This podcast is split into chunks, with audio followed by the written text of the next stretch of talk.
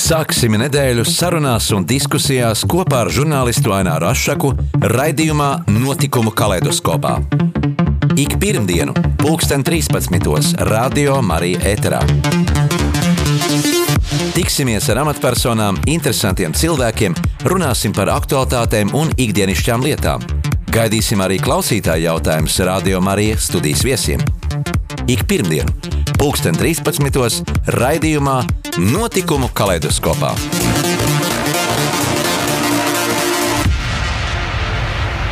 Esiet, cien, eh, esiet sveicināti, cienījamie radio klausītāji. Jau vairāk kā mēnesi pasaules valstu masu mēdīju uzmanību pievērst šausminošiem karam Ukrainā. Kremļa politika un Krievijas armijas barbarisms izpostot Ukraiņas pilsētas, izpostot infrastruktūru, nogalinot civiliedzīvotājus, ir viņu kauna traips Eiropas vidū. Jā, kāda varētu būt notikuma turpmākā eskalācija un situācijas virzība? Šodien uz sarunu studijā esmu aicinājis eh, ilgadējo saimnes deputātu, eh, saimnes ārlietu komisijas priekšstādātāju biedru NATO parlamentārās asamblejas Latvijas delegācijas vadītāju un arī, starp citu, Latvijas ārpolitikas institūta dibinātāju un pirmo direktoru Latvijas Zinātņu akadēmijas goda doktoru Atti Leņu. Sveicināts! Labdien! Jā, par Krievijas iespējamo uzbrukumu Ukrainai baumas jau krīt, klīd ilgāku laiku. Kā jūs uzņēmāt šo 24. februāra rīta traģisko ziņu, ka Ukrainā ir sācies karš? Nu, domāju, tā kā visi citi, bet man bija interesanta situācija. Es biju tikko Briselē.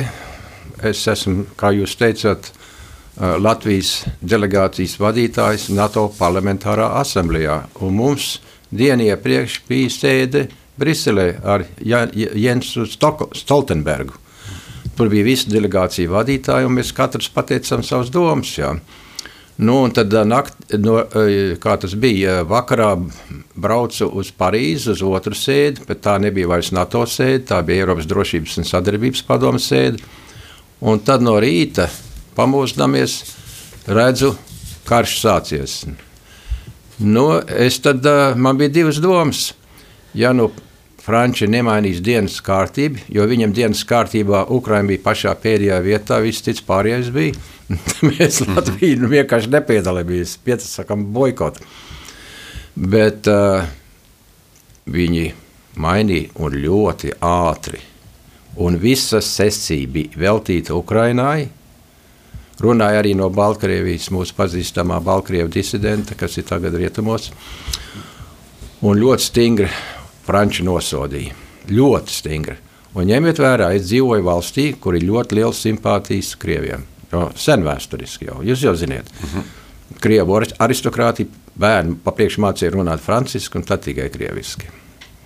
Bet Francija apmetās pilnīgi otrādi un, kā zināms, atbalsta tagad tāpat tās kā mēs Ukraiņu. Nu, tāds bija sajūta. Leņķis, jums bija mm, arī liela pieredze jau tieši šādās kara situācijās, esot uh, savulaik Afganistānā, esot klāt šajos notikumos un atceroties to laiku, kā tā situācija toreiz eskalējās. Ziniet, ir zināms, ticiet vai ne, bet ir zināms paralēls.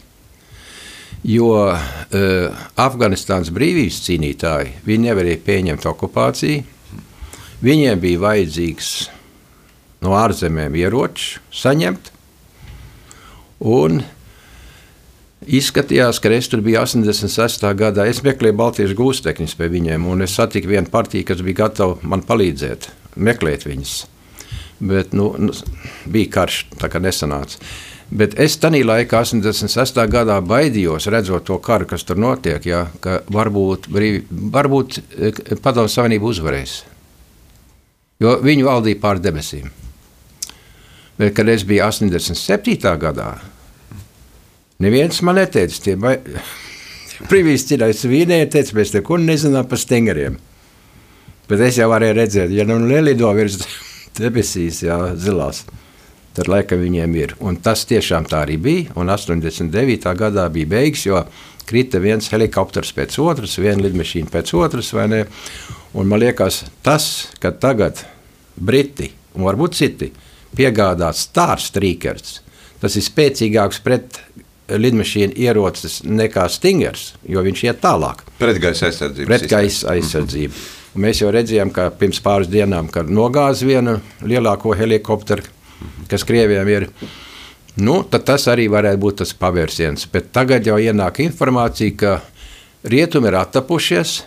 Viņi īsti neticēja, ka Krut, Putins zaudēs karu Ukrajinā un vienkārši piegādāja ieroči. Bet tagad viņi attapušies, šitie vēlni no Ukrainas. Tie taču uzvarējuši karu. Ir. Un tagad, ja Krievija grib sadalīt Ukraiņu uz pusēm, ja, kā tagad izskatās, jo citas vairs viņam nekas neatliek, tad jāpiegādā vēl smagāks ierocis. Piemēram, krasta artērija, kas var šaut tālu, tālu Melnajā jūrā. Bet vai tomēr pasaule bija gatava uh, tādiem not situācijas notikumiem? Jo uh, eksperti uzskatīja, mm, ka, nu, ka uh, Putinam bija trieciena plāns ieņemt dažās dienās Ukraiņas pilsētas, un karš it kā tiktu jau uzvarēts. Jā, jums ir pilnīgi taisnība. Bija paredzēts trijās no augstākajās četrās dienās. Kolona jau gāja uz Kīvu. Bet uh, bija, visi bija pārsteigti, un tāpēc es jau minēju, vai ne? Tagad sāk saprast, ka šis ir lielais karš, kas maina pilnīgi visu Eiropas drošības arhitektūru.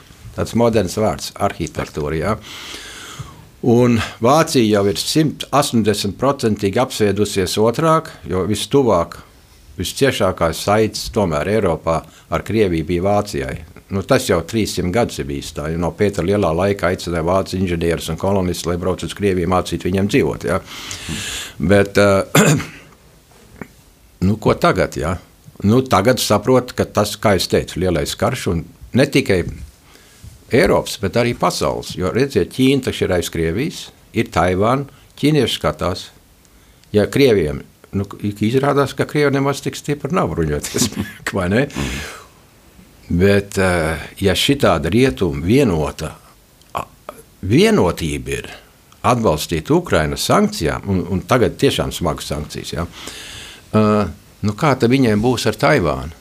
Nebū, nu nevarēs veikt tādu uzbrukumu arī Taivānā. Redziet, tas ietekmē pasaules drošības politiku. Pakārtotā. Jā, jā, jā. jā. Okay. Šobrīd Ukraina ir pametuši miljoniem civili iedzīvotāji, ir pilsētas ir izpostītas, infrastruktūra sagrauta. Um, jā, vairāk tūkstoši cilvēku arī piespiedu kārtā ir deportēti uz Krievijas pilsētām. Um, vai tiešām šīs pasaules ietekme nevar panākt to, ka nu, teiksim, var panākt pēc likumdošanas kaut kādas uh, ierobežot šādas Krievijas rīcības un izdarības, vai uz viņiem likuma neatiecas? Man liekas, Putins, Krievija, nu jāsaka, Krievija, tā ir Krievijas valsts, kas to darīja, izdarījis fatālu kļūdu ar tiem terora darbiem, ko viņi veica Ukrajinā. Jo tas, kas tagad pilsētā Bušā notika, ir. Nu, Tas, tas ir pār visiem mēriem. Protams, neaptverams. Jā, jā, jā. Vienkārši brauc par ielu un šauj civilists. Jā. Nu, nu, nu, piedodiet. Un, ja mēs runājam par ilgtermiņa karošanu, tieši šitādi skati un šitādas, negribu apvainot zvērus, bet zvērības, ja, uh, tas paņem visu, tau, visu pasaules tautas. Nu, tā nevar darīt. Ja, jo viņi var iedomāties arī, nu, tas arī pret mums var notikt, ja, dažādās pasaules vietās. Un ir arī noticis, piedodiet, Sīrijā, Irakā, atcerieties, Islāma valsts, kā viņi slepkavoja cilvēkus, sagrāva kvartālu, vienu kvartālu pēc otra. Es domāju, ka Krievija tur izdarīs drausmīgu strateģisku kļūdu.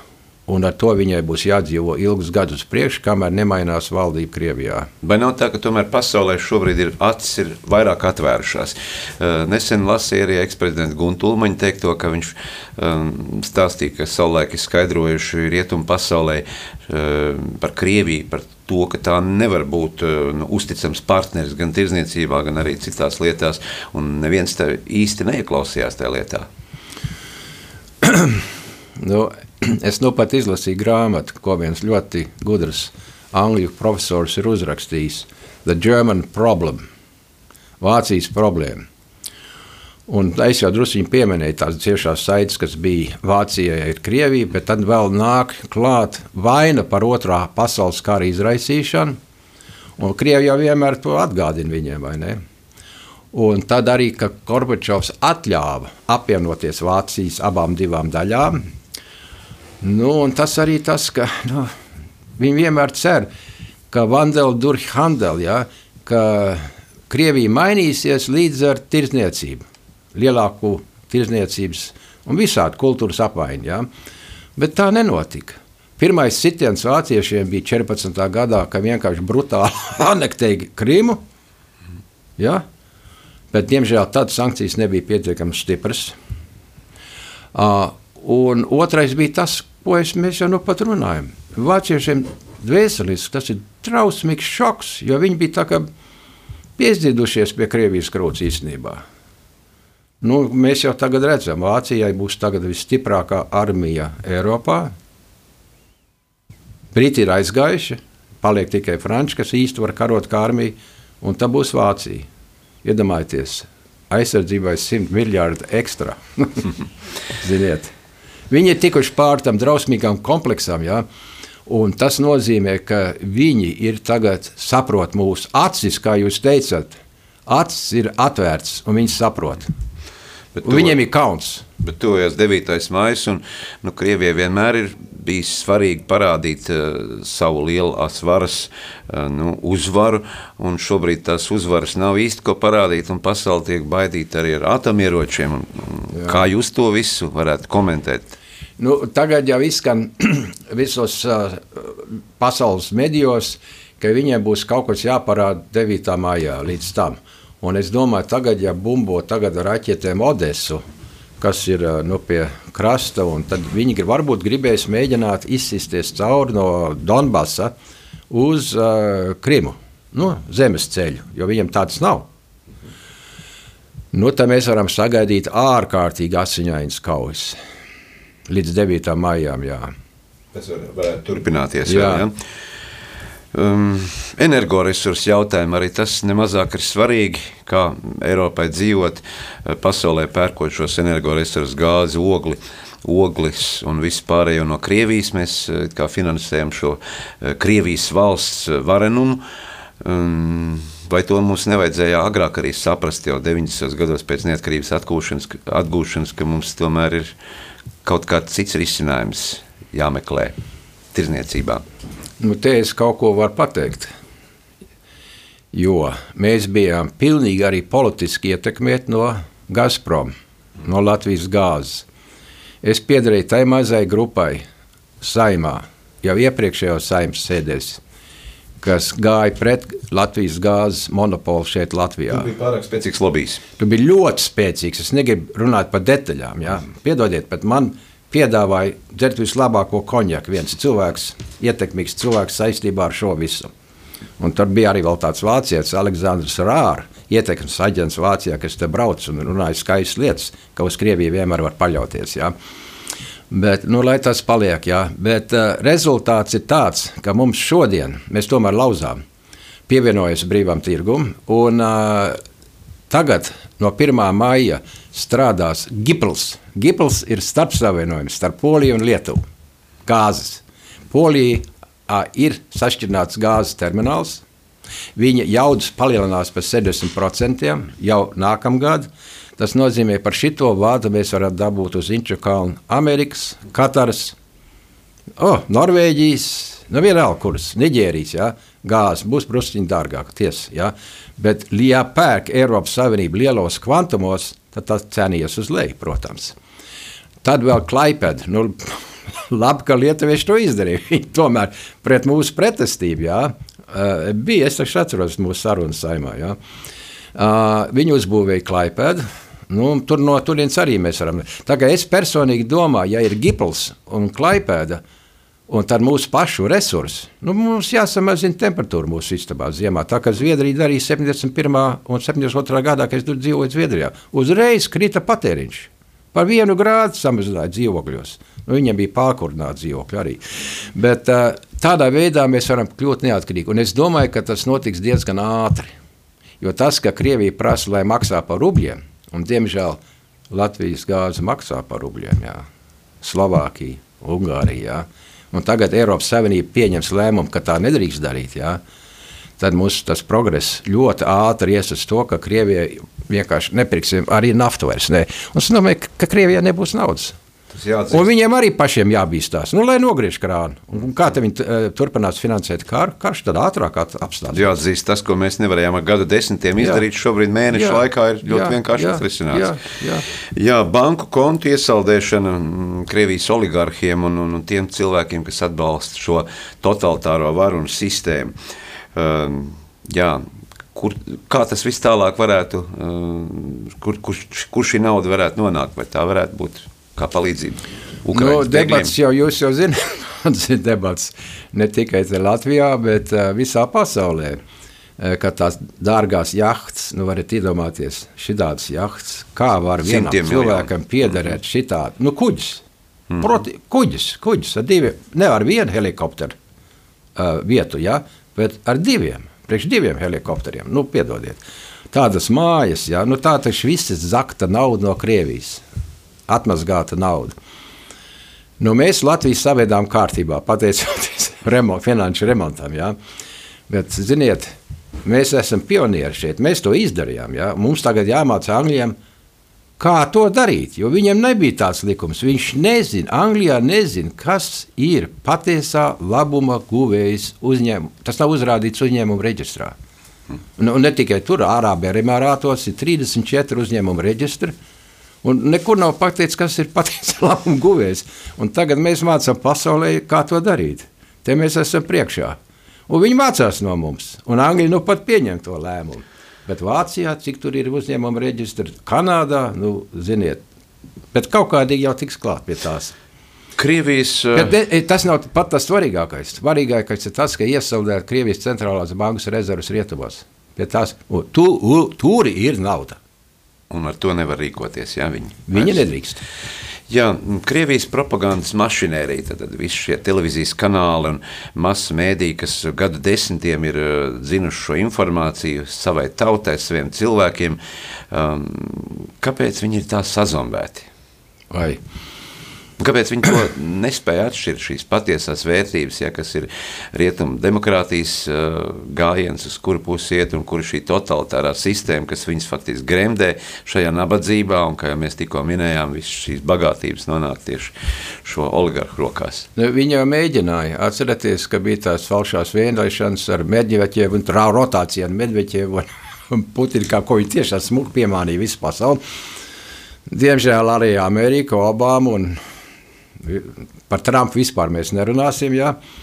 Uh, viņi taču izgāja ielās, tas, kā bija ar bēs sākās, es krievis neprotu, bolotnoji, uh, kā baltiem karociņiem gāja, jā. Mm -hmm. Viņi jau redzēja, ka viņi tiek piesamieti un falšas vēlēšanas rezultāti, tāpat kā Baltkrievijā nesen, jā. Bet redziet, Krievijā pie varas ir uh, čekisti. Vienkārši, atcerieties, mums bija senos laikos Teitona ordens vai Livonijas ordens. Mm -hmm. Nu, Maskavā tagad ir čekistu ordens. Un tu neko nevari izdarīt. Viņi ir pārāk stipri, viņi ir nožņaugusi. Visas, uh, mēs esam visi tagad ārzemju aģenti, kas saņem palīdzību no rietumiem. Un, jā, nu, ko, tur, ko tur var teikt? Kāpēc tas ir vieglāk Krievijā un arī tagad, kā redzam, Baltkrievijā nekā citur? Ir tāpēc, ka tas ir gadsimtiem audzēts. Cara tētiņa, kā saka, tēls Jā, bet tad, ir arī demokrātiski domāts. Jā, es jau teicu, ir, ir tas tiek apspiests. Un arī tas impērijas gēns, nu, ja tos simtiem gadiem mēs paplašināmies, un arī pēc otrā pasaules kara tev izdevās, ja, Potsdam un Jalta, nu, grūti no tā tikt vaļā.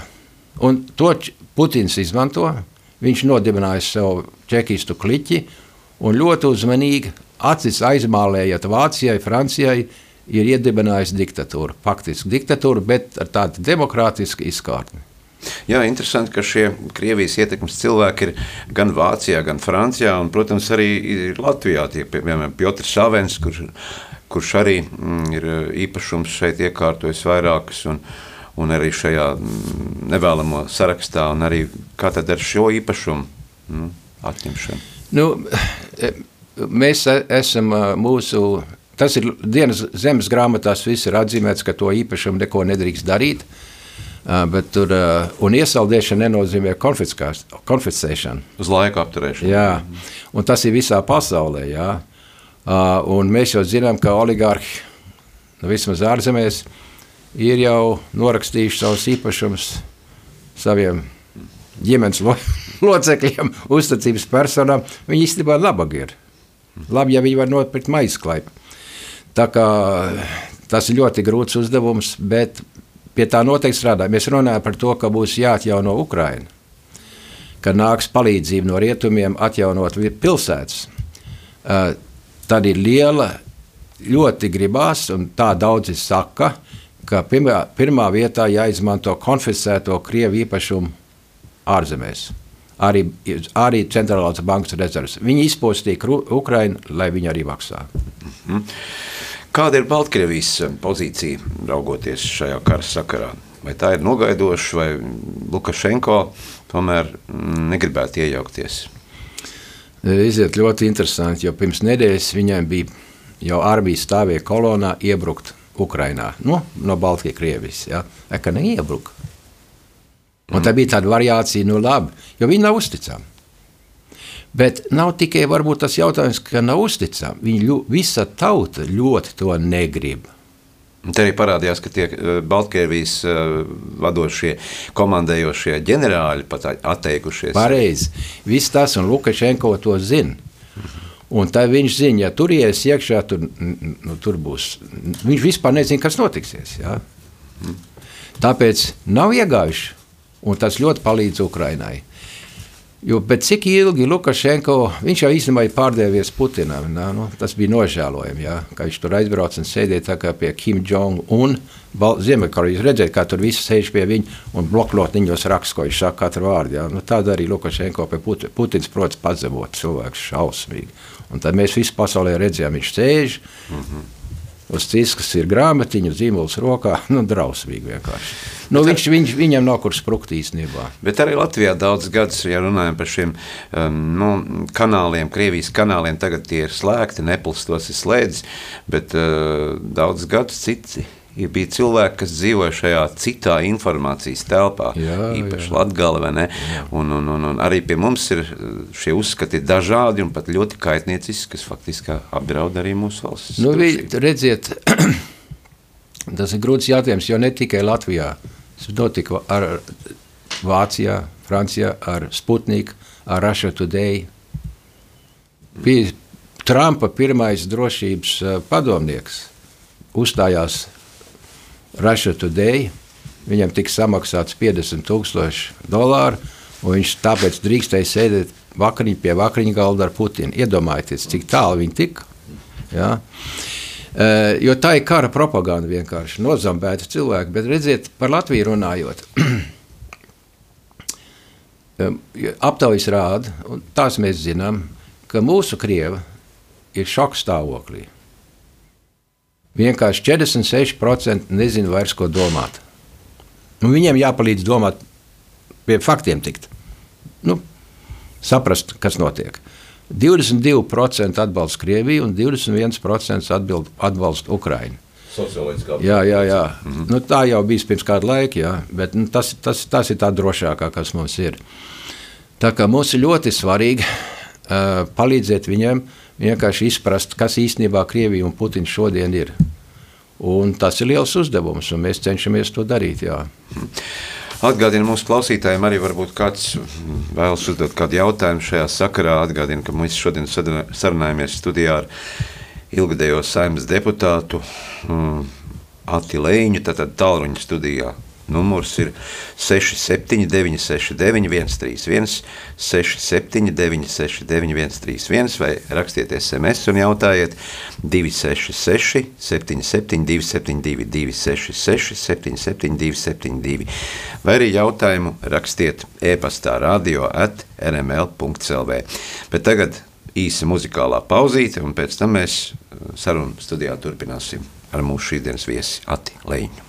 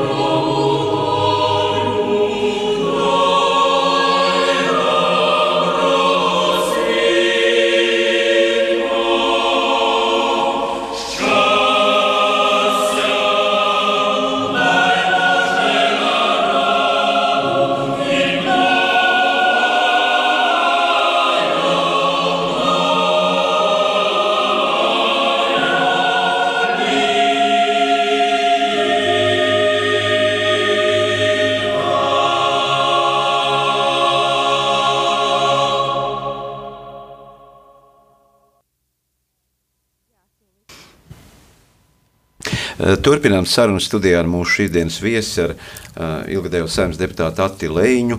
Um, mums ir arī klausītāji zvans sakarā par, par Ukrainas jautājumiem droši vien. Tā klausamies jūs, mēs jūs dzirdam.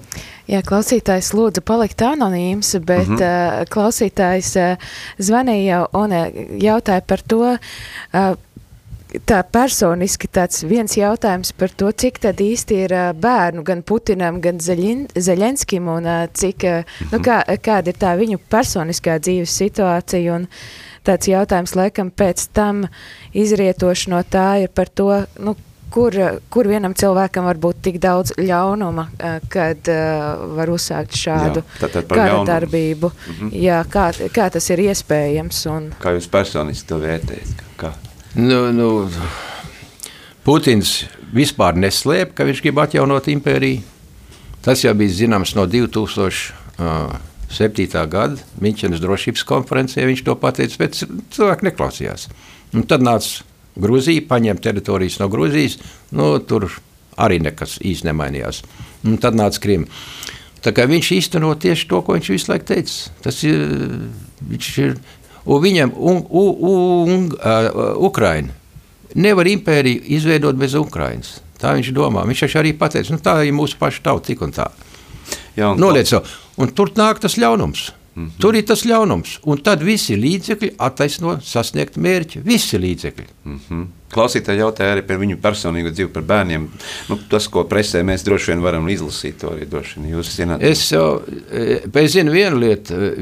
Vienai meitai Šveicē ir iesaldēts dzīvoklis un nauda. Jā. Šveice pievienojās arī sankcijām, kaut viņi nav Eiropas Savienības valsts, starp citu. Un Krievija tādā ziņā Maskavā atriebās un konfiscēja vi visdārgāko pulksteņu veikalu Maskavā, kas piederēja Šveicē. Ziniet, tie šveicis pulksteņi tur maksāja. No. Seikom. Jā. Jā. To, to, tādu naudu mēs neesam redzējuši. Tādu pulksteni mēs nevaram jā. tiešām jā. uz rokas likt nemaz. Uh, ja runājam par Ungāriju, tad arī, arī jau masu medijos tiek, tiek, tiek paušs šis viedoklis, un, un, un mēs esam daudz nesaprašanā, kā tā, kad Ungārija, kas ir NATO valsts, kas ir Eiropas saimnības valsts, pēkšņi uh, savā valdības politikā nostājā parāda tādu nu, pretdarbību. Jā, Ungārija, redziet, varbūt to jāsaprot drusku plašākā kopsakarībā. Nu, pu, uh, Trumps arī abrīnoja Putinu. Viņš jau to nezinu, cik reizes arī teicis. Jā. Stiprs vīrs, Krievija pirmā vietā. Tāds pats ir uh, Orbāns, Ungārija pirmā vietā. Viņš ļoti negribēja pievienoties sankcijām, bet nu, viņš beigās pievienojās sankcijām, jo citādi būtu bijis sekas pret Ungāriju no Eiropas Savienības. Uh, bet te ir interesanti skatīties galveno, ka Polijas Kačinskis arī tā kā stiprais vīrs, vadonis, ja? bet uh, tagad ar to, ka Ungārija bijuši tik ļēva attiecībā uz Putina karu Ukrainā, ka tagad izveidojusies plaisas starp Ungāriju un Poliju. Jo Polija to nevajag sagrabot. Nu, mēs zinām, poļus. Nu, tur daudz ko nav jārunā. Jā. Ko Krievi izdarījuši Polijai vai tā tālāk, jau no līdz seniem laikiem. Jā. Tā kā tas ir tas svarīgākais, ka lūst Eiropā, šitā, tie, kas varēja izveidoties par tādu aliansi starp Poliju un Ungāriju. Ukraiņas karš to ir pielicis, tam pielicis punktu. Nu, viņš ir vienkārši tāds, Ungārijā arī nav nekādas kārtīgas demokrātijas opozīcijas. Viņi ir saskaldīti mazās partijās. Nu, Tā kā arī pie mums mazas partijas, vai ne? Un, uh, un tagad viņi bija izveidojuši aliansi. Bet tas vairs tas neuzrunāja. Ungārs no acīm redzot, viņi grib vienu fīreru, kā vācieši saka. Stingro roku. Jā. Mazās valstis, um, Somija un Zviedrija, starp citu, Zviedrija, kur arī daudz gadu dzīvojāt un studējāt, Atilēņa kungs, um, tās tagad ir izteikuši vēlmi pievienoties NATO aliansei. Beidzot. nē, nē, ziniet, tas jau ir sen. Kopš 14. gadā viņa arī pamodās. Zviedrijā. Pamatīgi pamodās. Viņa principā bija likvidējusi savu armiju gandrīz. Jā. Uh, nu, tad sāka atjaunot armiju. Un tās debats pat manā laikā bija par NATO. Nē, nē, kur tur mēs nevajag. Bet ziniet ko? Klusītiņām, pat Olafa Palma laikā, klusītiņām slepeni sadarbojās ar NATO. Būvēja tādas šoseis Zviedrijā, arī klusās vietās, mežos, kas bija piemērots NATO karalidmašīnu nolaišanai. Ja. Un tas 90. gados, kad viss tas parādījās, ja, tas bija tāds šoks Zviedru tautai. Viņi taču, nu kā, nu kā, mēs taču neitrāli, vai ne? Nu, viss tas tagad ir atmests. Visas tās muļķības par neutralitāti ir atmests, un viņi ļoti, viņi īstenībā jau tagad de facto ir sting, labāki NATO, labāka NATO dalībvalsts nekā daži labi NATO dalībvalsts. Un nu pat jau arī pateicis, jā, jā Stoltenbergs vakar vai aizvakar pateicis, ja Zviedrija un Somija grib iestāties NATO, tad mēs ļoti ātri varam viņus uzņemt. Jo vispār mūsu drošība Baltijas reģionā nevar aizstāvēt bez Zviedrijas un Somijas. Zviedrija un Somija sevi nevar aizstāvēt. Mēs sevi nevaram aizstāvēt. Tas ir. Mēs esam cieši savīti kopā. Un to Zviedri tomēr arī zina. Jo pirmais sitiens, ja ir kaut kāds te būs, ja, tad droši vien trāpīs Zviedrijai. Jā, no Ukrainas ir izceļojuši vairāk miljonu bēgļu. Tos ir uzņēmuši daudzas valstis, Eiropas valstis. Un šobrīd arī Latvijā jau laikam desmit tūkstoši, pat jau vairāk jā, nav jā, jā. bēgļu. Un, un te izskanēja tāds arī viedoklis no Rīgas domas, ka mēs vairāk vienkārši fiziski nevaram uzņemt. Jā. Kā ir ar šo bēgļu jautājumu, integrāciju un, un nākotnes politiku? Nu, mēs diezgan veiksmīgi to darām tagad. Uh, Tas būs arī visu pa pašvaldību uzdevums, ne tikai Rīgai. Ko mēs varam darīt? Lai gan ir pašvaldības, kas ļoti labi strādā, maksimāli jau tagad, bet labums ir tas, ka Ukrāņu bērni pirmkārt jau iet latviešu skolās, mācās latviešu, Ukrāņi jau sākuši strādāt. Uh, Ukrāņi sāk atgriezties Ukrajinā, tur, kur jau Krievija armija ir izdzīta. Ja? Tā it kā es tā saprotu, ka tā bēgļu plūsma ir varbūt neapstājusies, ja, bet samazinājusies. Mēs jau televīzijā arī redzam, ka vien vairāk un vairāk atgriežas Ukrajinā. Tā kā es neredzu, ka te būtu ļoti liela problēma nākotnē. Mēs, mums valdībai ir plāns, ka mēs, ja vajadzīgs, varēsim uzņemt 30 tūkstošu bēgļus un izmitināt. Un, protams, Eiropas Savienība arī ar saviem struktūra fondiem mums arī palīdzēs. Tāpat kā ir vajadzīgs koordinēt visu to palīdzību, humanitāro palīdzību, ko mēs sūtām uz Ungāriju, citām valstīm, lai tas viss tur tiešām nonāk. Un, un viens, vienu un to pašu nesūta visu laiku vienu to pašu preci, ja, ka būtu kaut kāda koordinācija. Tā kā tur es uzskatu, ka, ka Ukraiņiem atkarojot savu valsti, eh, samazināsies bēgļu skaits, jo viņi ir patriotiski Ukraiņi, ja, un viņi parādījuši savu ārkārtīgi lielo varēšanu karot un apturēt Krievi, Krievijas kara mašīnu, kas izrādās nemaz nav tāda, par ko Putins visu laiku lielījās. Mm. Iedomājieties, Šoigu, Krievijas aizsardzības ministrs, ko viņš, kāda korupcija Krievijas armijā. Viņš pērka vislētākās Ķīnas riepas saviem bruņu transportieriem, kas plīst uz braucot par ielām Ukrajinā. Jā, tas kārtībā reiz pierāda to, cik nepārdomāti tas viss ir. Un tad, tad šie līdzekļi tika izsaimniekoti, un acīm redzot, tas arī pārsteidz. Jā. Jā, ja runājam arī par 9. maiju, tas ir gadu pulcēšos svinētājs, šis uzvaras piemineklis, ko tagad jau mēs saucam par okupantu pieminekli, un bija arī tāds ieteikums, ka tur vajadzētu izvietot šīs fotogrāfijas, kas atgādinātu un liecinātu par notikumiem un par šīm visām šausmām, lai tie cilvēki un turisti, vai kas tur apmeklē šo vietu, lai redzētu, nu, kur mēs esam atnākuši. Jā. um. Saimnes ārlietu komisija pirms nedēļas pieņēma lēmumu vienbalsīgi, ka aizsūtīt vēstuli Rīgas domai, ka ir jāapskatās tehniski, jānovērtē, kādā stāvoklī ir, kā mēs tur teicām, nu, pārdaugavs stāps. Jā. Un, jo tur var arī notikt avārija. Zvaigznes var nokrist, nosist kādu cilvēku, tur jau ir ļoti izbūvēti inženieru tehniskie tīkli apakšā, tur ir tuneļi. Uh, tas nu, būtu Rīgas domē jādara. Otrais bija tas, ka tiešām vajadzīgs, ko jau mēs agrāk gribējām, ka vajag tur izlikt informācijas plāksnes.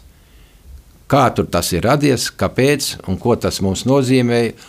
Un starp citu, tās lielās sapulcēšanās pie 9. māja nemaz nebija ilga laika. Tas tikai, man liekas, nebija desmit, pēdējo desmit gadu sākas. Jā, jā, jā, jā. Un pilnīgi paskaidrojot cilvēkiem, ka, ka, ka, ko tas viss nozīmē. Nu, es ceru uz pozitīvu atbildi no Rīgas domas. Ja tur nevar vienoties, nu, tad es varu droši pateikt, ka saim to darīs. Jā. Kā ir mainījusies eh, nu, saimnes opozīcijas partija attieksme pēc visa eh, notikušā pēc 24. februāra, jo agrāk tiksim, saskaņa un visas pārējās partijas eh, bija diezgan nu, tādas reakcionāras, Krievijas Savienība un viss, viss krieviski domājošie. Nu, ko jūs domājat? Tur pilnīgi šokā tāpat tās, kā visa Krievijas sabiedrība. Mm -hmm. Un tagad, atšķirībā no 14. gada, Mums nav problēmas pieņemt tādas rezolūcijas, atbalstam Ukrainā, kāds ir vajadzīgs. Jā. Es domāju, viņa vēlētāju lokus ir sašķēlies, viņi īsti pat nezina, ko darīt. Un, nu, redzēsim, kā būs vēlēšanās. Jā. Gaidīsim rudeni. Um, jā, nu, Krievu-Latviešu attiecības sācinājums arī tagad ir mm, nu, pamanāms tieši sociālos tīklos un, un, un, un, tādā nu, komunikācijā, gan darba vietās. Daudz saka, ka šīs attiecības ir sācinājušās tieši Ukraiņas kara sakarā, jo dažādi uzskati valda sabiedrībā. Un, kā jūs vērtējat, kā strādā mūsu valsts drošības dienests pēc tādiem, kas nu, klaju pauž nepatiku? Nu, jūs jau zināt, mēs viens pēc otra ņemam ciet. Jā. Mums ir, mēs mainījām kriminālu noziegumu likumus, grozījumus ieviesām. Daudz stingrāk mēs esam. Un, bet es jums varu pateikt vienu personīgu gadījumu. Varbūt tas jums interesē. Jo es ar krieviem Latvijā no 91. gada esmu runājis tikai latviešu. Es mm. esmu atklājis, ka protams, jau latviešu. Viens labāk, cits, cits sliktāk. Bet man vienmēr ir atbildējuši latviešu. Uh, bet te bija interesanti, tepat pie mazgātavas sloks ielā. Es braucu tīrīt mašīnu. Jā. Nu, es ar vienu dāmu, viņa prasa man, kurā rindā, kur es stāvu. Es saku, man jau mašīna tur iekšā, jūs varat nākt pēc manis. Viņa runāja ar akcentu. Jā. Es nevarēju pateikt, kas tas bija. Varbūt pat kāds cits valsts akcents. Bet, nu, skaisti jauna dāma un viss nokārtojam. Tad nāk viens cits man klāt, skatās, skatās. Un es gribēju viņai, es viņai arī pateicu to pašu. Jums būs pēc šīs dāmas. Uh -huh. Viņa saka, Poruski! Uh mhm. -huh. Jauna sieviete, 25. Ne, es, tas vispār neiedomājams. Es varu iedomāties, kāds vecāks kungs vai dāma. Ja? Bet, nu, kas ir nu, jauna sieviete, kas neprotīs latviešu? Es saku, nu, bet cienījamā uh, latviešu, jo mēs taču runājam Latvijā latviešu. Mm -hmm. Viņa saka, nē, sita kāja pret zemi. Krieviski jānā. Es saku, nu, diemžēl cienītā kundze mūsu saruna nesanāks. Un es aizgāju. Ja. Nu, un tad uh, viņi tur tur nemierīgi staigāja, staigāja, staigāja apkārt. Beidzot, zvanīja kaut kur, iekāpa mašīnā un aizbrauca ar savu mašīnu, pārkāpot satiksmes likumu. Jā, kāpēc? Tas man pirms Ukraiņas nebija iespējams. Mm. Un krasa izmaiņa, tūlīt krasa izmaiņa. Viņi iemeņ, ieņem iekšā Putina stāju. Tur uzmodās atkal impērijas gēns. Jā, tagad jūs jau kādu pusgadu esat arī īrijas latviešu kultūras biedrības Jā. vadītājs. Latvieši ļoti daudz ir ārpus Latvijas tieši īrijā, ir šīs Jā. latviešu kopienas, un cilvēki ir izveidojuši gan veiksmīgu biznesu, gan arī strādāt šo Jā. melno darbu, bet nu, šīs latviešu kopienas ir izveidojušās nopietni strādāt tur. Kādi ir šīs biedrības uzdevumi? Uh, nu, principā es strādāju ar Blūmsdēļ.CLV. Es iesaku klausītājiem ieskatīties mūsu mājaslapā. Uh, tur ir divas lietas. Pirmkārt, mums ir tas retais fenomens, ka mums bija viens bijušais leģionārs, kas dezertēja no Vācijas armijas uz Zviedriju, un no Zviedrijas nonāca Amerikā, Dzintars Sodums, kas izdarīja neiespējamo darbu. Pārtulkoja Džeims Džois milzīgo ķieģeli Ulis. Visi teica, viņam tas nav iespējams. Viņš vakaros to izdarīja. Viņš bija burtlīts un izdarīja. Tur mums uzreiz radās saikne ar īriju, jo īrijai tas arī ļoti interesē. Un otrais, kas interesē, ka Latvijā varēja mācīt par Jamesu Joyce, Ulijas, visu pilnīgi atklāti, bet ar citu izkārtni. Neviens citur padomu savienībā nebija latviešu nu, savā valodā uh, uh, tulkojums. -hmm. Pat krieviem nebija. Tā iznāca tikai 91. gada. Tā grāmata bija aizliegta. Nu, un, mēs pētām šitās, šito saikni, un tā pašā reizē veicām kultūras sakars. Jā.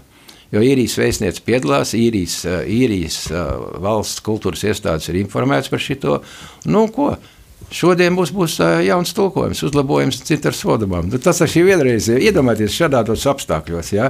Tomēr cilvēks strādā, un kultūras kapitāla fonds ir iedevis naudu mūsu vislabākajai tulkotājai, Ievai Lešinskai. Un iet uz priekšu. Viss tas būs redzams 16. jūnijā. Laipni aicinu jūs uz uh, Latvijas Nacionālo bibliotēku. bibliotēku jā. jā. jā, bet uh, jūs jau Latvijā dzīvojat. Bet es gribētu vēl piedot par īriju pateikt. Īrijai Ukraina arī ir šoks. Viņi, protams, uzreiz visu nosoda. Nav runa par to, ka neatbalstīs sankcijas, bet viņi taču visu laiku neitrāli bija. Un tagad notiek intensīvs debats par to, vai šodienas apstākļos mums der neutralitāte. Un tur es arī iejaucos iekšā. Tagad. Arī. Jā, bet jau vairāk kā 30 gadus dzīvojot Latvijā, pirms tam bijāt aktīvs um, rietumos dzīvojošs latvietis, politiķis, cīnītājs, vēsturnieks pēc profesijas, starp citu arī um, cīnījāties, uh, piedalījāties dažādos pasākumos, kas um, atbalstīja Latvijas neatkarības centienus, un kad uh, Latvija atguva neatkarību, arī uh, tautas frontes struktūrās darbojāties Jā. jau aktīvi. Nu, kā Latvija ir mainījusies pa šiem trim gadu desmitiem? Nu, līdz nepazīšanai. Vienkārši cita valsts. No pelēcības. Ja? Nē, nu, par valodu runājot, man bija drausmīgs šoks, ka es atbraucu vēl no 90. gada sākumā. Man pat bērni pienāk klāt uh, Vērmaņa parkā un uzrunā man la, uh, krieviski. Ja? Un es saku, nu, bērniņ, kāpēc tu runā man latviski? Ja? Un viņš nokaunējās. Nu, viņam drausmīgs kauds. Ja? Un viņš, nu, bet es zinu, kāpēc. Es jau neko nesaku. Nu, es, uh, prasīja man, cik pulkstenis. Es, es zinu, ka vecāki to dara, tad bērni to dara. Ja? Un lēnām šitā iedzītās bailes un komplekss, ja, ka krieviem jārunā krieviski, ja, tas mainās, paldies Dievam. Latvieši kļuvuši daudz drošsirdīgāki un pašapzinīgāki. Un var tiešām redzēt veikalos un visur citur, kad latviešu valoda pārņem to, to drausmīgo krievisko vidi. Varbūt Latvieši bija pie, Latvijā to bija pieraduši pie tā, bet, ja tu atbrauc no ārzemēs un iebrauc Latvijā, tad te ir Krievija vai Latvija. Arī tiem, arī tiem Krievu cilvēkiem, kas atbraukuši no Maskavas, viņi saka, mēs atbraucām, bet mēs nejūtam šo nacionālo koloniju. Jā, jā, nu, Ukraiņi jau arī sūdzās par to. Arī. Jā. jā, šobrīd arī par Krievu skolām runā, ka mums tomēr tā jābūt ir tā latviešu plūsmē tikai. Nacionāla. Bet ir jau. Vidusskolās pēdējās divas klases ir latviešu valodā, nu, fakultatīvi ir arī krieviski. Ja? Bet runa par to ir tagad, jā, jā, pat jums ir taisnība tādā ziņā, ka tas jā, arī e, vajag sākt ar zemākām klasēm un ar bērnu dārzu. Nu, nu, tas ir absurds, ka bērnu dārzā nemāca latviešu valodu. Nu, Pēdējais, es taču septiņu gadu vecumā nosēdēju, nosēdināju skolu Austrālijā. Ja, septiņu gadu vecumā, pirmā klasē. Un ko es zinu? Es zināju angliski. Es tikai mācīju pateikt, es vispār neatceros, ko es mācīju. Es laikam vienu vārdu mācīju pateikt. Labdien, jā, gudēji. Tas ir viss. Trijos mēnešos es jau mācīju. Nu, kāpēc nevar latviešu, krievu bērngārzos to pašu? Protams, viņi var runāt arī krieviski, ja neviens mums arī tur neliedz runāt latviešu. Ja? Bet uh, tas ir jādara stingrāk, stiprāk, jo mums, mēs esam pamanījuši, ka ir viena Krievu jaunā paudzes kontingents, kas iet profenēs, varbūt, un kas īsti labi latviešu neprot. Viņi nonāk, piemēram, slimnīcās, kā sanitāri. Viņi, eh, viņi, viņiem, pat, viņiem, tā kā viņi lāgā nesaprot, jārunā viņam krieviski. Nu, tas nav pieņemami. Mm -hmm. Jā, mūsu sarunas laiks tuvojas noslēgumam. Ko gribētu mm, novēlēt uh, mūsu rādījumam, arī klausītājiem uh, šajā laikā, šajā ceļā pirms lieldienām? Vai lūgt par mieru? Mums tiešām miers vajag un uzvaru Ukrainai. Un tā būs tiešām īsts miers, ja Krieva armija izvācās no Ukrainas. Tad tā būs milzīga uzvara brīvībai, demokrātijai.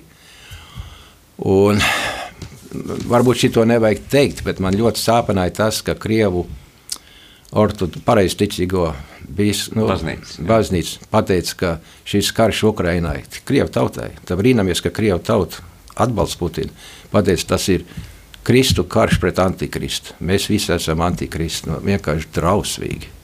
Un vienkārši jālūdz Dievs, vai ne, ka, ka, ka, ka saprāts un labestība uzvarēs un taisnība. Mm -hmm. Teiksim lielu paldies mūsu šīsdienas sarunas viesim, Saimnes ārlietu komisijas priekšstādē biedram, NATO parlamentārās asamblējas Latvijas delegācijas vadītājam un arī Latvijas Zinātņu akadēmijas goda doktoram Matim Lējām, kurš šodien pabija kopā ar mums šajā stundā mūsu studijā.